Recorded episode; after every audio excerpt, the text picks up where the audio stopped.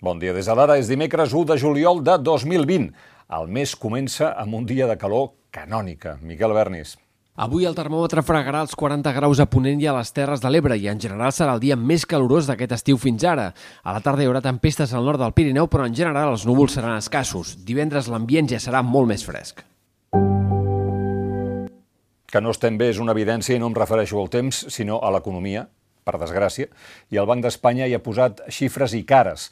La caiguda de l'ocupació ha tingut un impacte més elevat en el sector dels serveis, sobretot l'hostaleria, també el sector de les arts, i l'informe recull que són sectors ocupats majoritàriament per dones, joves menors de 35 anys i treballadors en rendes baixes. Tots ells pagaran de manera més elevada les conseqüències del confinament, cosa que, diu l'organisme eh, del Banc d'Espanya, suposarà un augment de la desigualtat. Per tot plegat, el dèficit de l'Estat es dispara i l'organisme regulador diu que caldran pujades d'impostos i reformar la seguretat social. Per cert, si parlem de treball, una mitja bona notícia. Els representants de Nissan i del comitè d'empreses van reunir ahir per primera vegada per negociar l'ERO.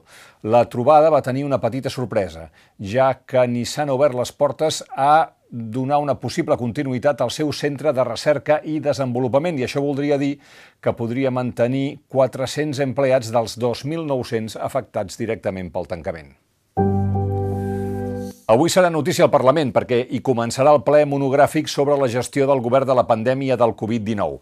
I és notícia també l'Audiència Nacional que va decretar ahir llibertat amb càrrecs però sense mesures cautelars per quatre dels CDR investigats per terrorisme. Recordaran que el 23 de setembre la Guàrdia Civil va detenir nou CDR. Set van anar a la presó però els van deixar anar entre el desembre i el gener, tot i que les acusacions que regueien sobre ells eren greus.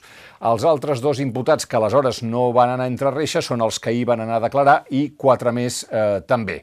L'advocada de tots ells va lamentar que la causa judicial continuï avançant i que l'Audiència Nacional vulgui estirar, va dir l'advocada, aquest xiclet per atemorir la població i evitar que la gent es mobilitzi. I parlant d'atemorir la població i evitar que la gent es mobilitzi, la Xina.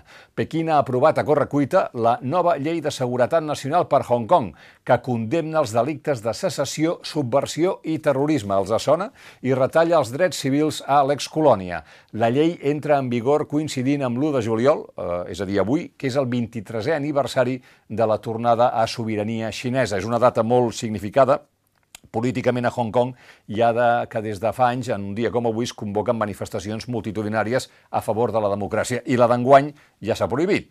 A les xarxes socials, molts activistes han esborrat els seus perfils i han tancat els grups de treball per evitar ser denunciats. I els grups de Telegram han aconsellat eliminar contactes i dades dels mòbils en previsió de detencions. Per això, el Sebastià Alzamora parla de el fiscal Zaragoza Hong Kong i recorda al Zamora que la Comissió de Dones de l'Il·lustre Col·legi d'Advocats de Barcelona han abandonat el Congrés de l'Advocacia que se celebra a la capital eh, aquests dies en protesta per la presència d'aquest fiscal. En canvi, no tot està perdut, Felip, el rei dels belgues, ha demanat disculpes pel colonialisme per carta al president de la República Democràtica del Congo, Félix Tshisekedi, amb motiu del 60è aniversari de l'alliberament del país. Diu el rei dels belgues que en l'època de l'estat independent del Congo es van cometre actes de violència i crueltat que encara pesen en la nostra memòria col·lectiva. El període colonial que la va seguir també va causar patiment i humiliació. Vull expressar el profund penediment per aquestes ferides del passat, el dolor del qual encara viu avui per la discriminació que encara és massa present a les nostres societats. I encara en aquesta esperança sobre la capacitat del món de reaccionar a les injustícies, a Facebook li està costant cara la inacció per aturar aturar la difusió de discursos que inciten l'odi. Puma, Adidas, Ford, Hewlett-Packard es van sumar a la llista de companyies que han decidit retirar la publicitat de la plataforma per denunciar que determinats missatges eh, d'odi hi circulin lliurement. Les accions de Facebook no han parat de caure en una setmana. Recordin que Coca-Cola, Starbucks, eh, Levis o Unilever ja havien comunicat que la seva publicitat no apareixeria a Facebook durant tot el mes de juliol. El Barça va tornar a empatar ahir, eh, va ser contra l'Atlètic de Madrid, 2-2, per això diu Antoni Padilla que la Lliga es converteix en una llarga agonia. Va ser un partit amb tres penals, un dels quals l'àrbitre va fer repetir a instàncies de Mateu Laoz des del bar perquè Ter Stegen s'havia mogut. Això és correcte, però és infreqüent. És el quart empat seguit del Barça que li estat posant la Lliga en safata al Madrid. Messi va marcar el seu gol 700 amb un penal llançat a l'estil Panenka. I Quique Setién es a la corda.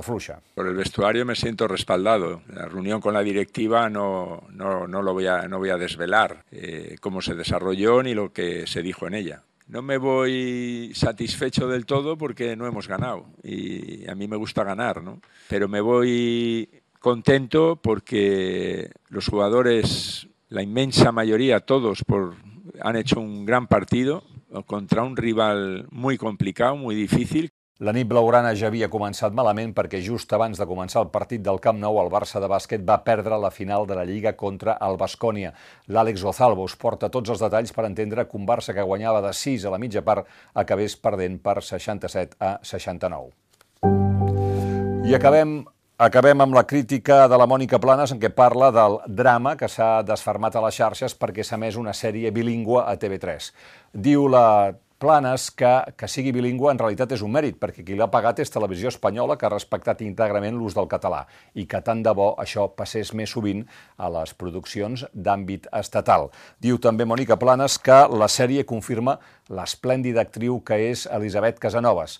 La sèrie posa en valor un Star System català que en bona part ha nascut en produccions de ficció de TV3, unes produccions que ara estan en perill de desaparèixer. Conclou Mònica Planes, aquest és l'autèntic drama de TV3. Fins aquí les claus del dia, tornarem més tard amb l'anàlisi, avui des de la parròquia de Santana de Barcelona, que tenen una bona notícia. Fins després.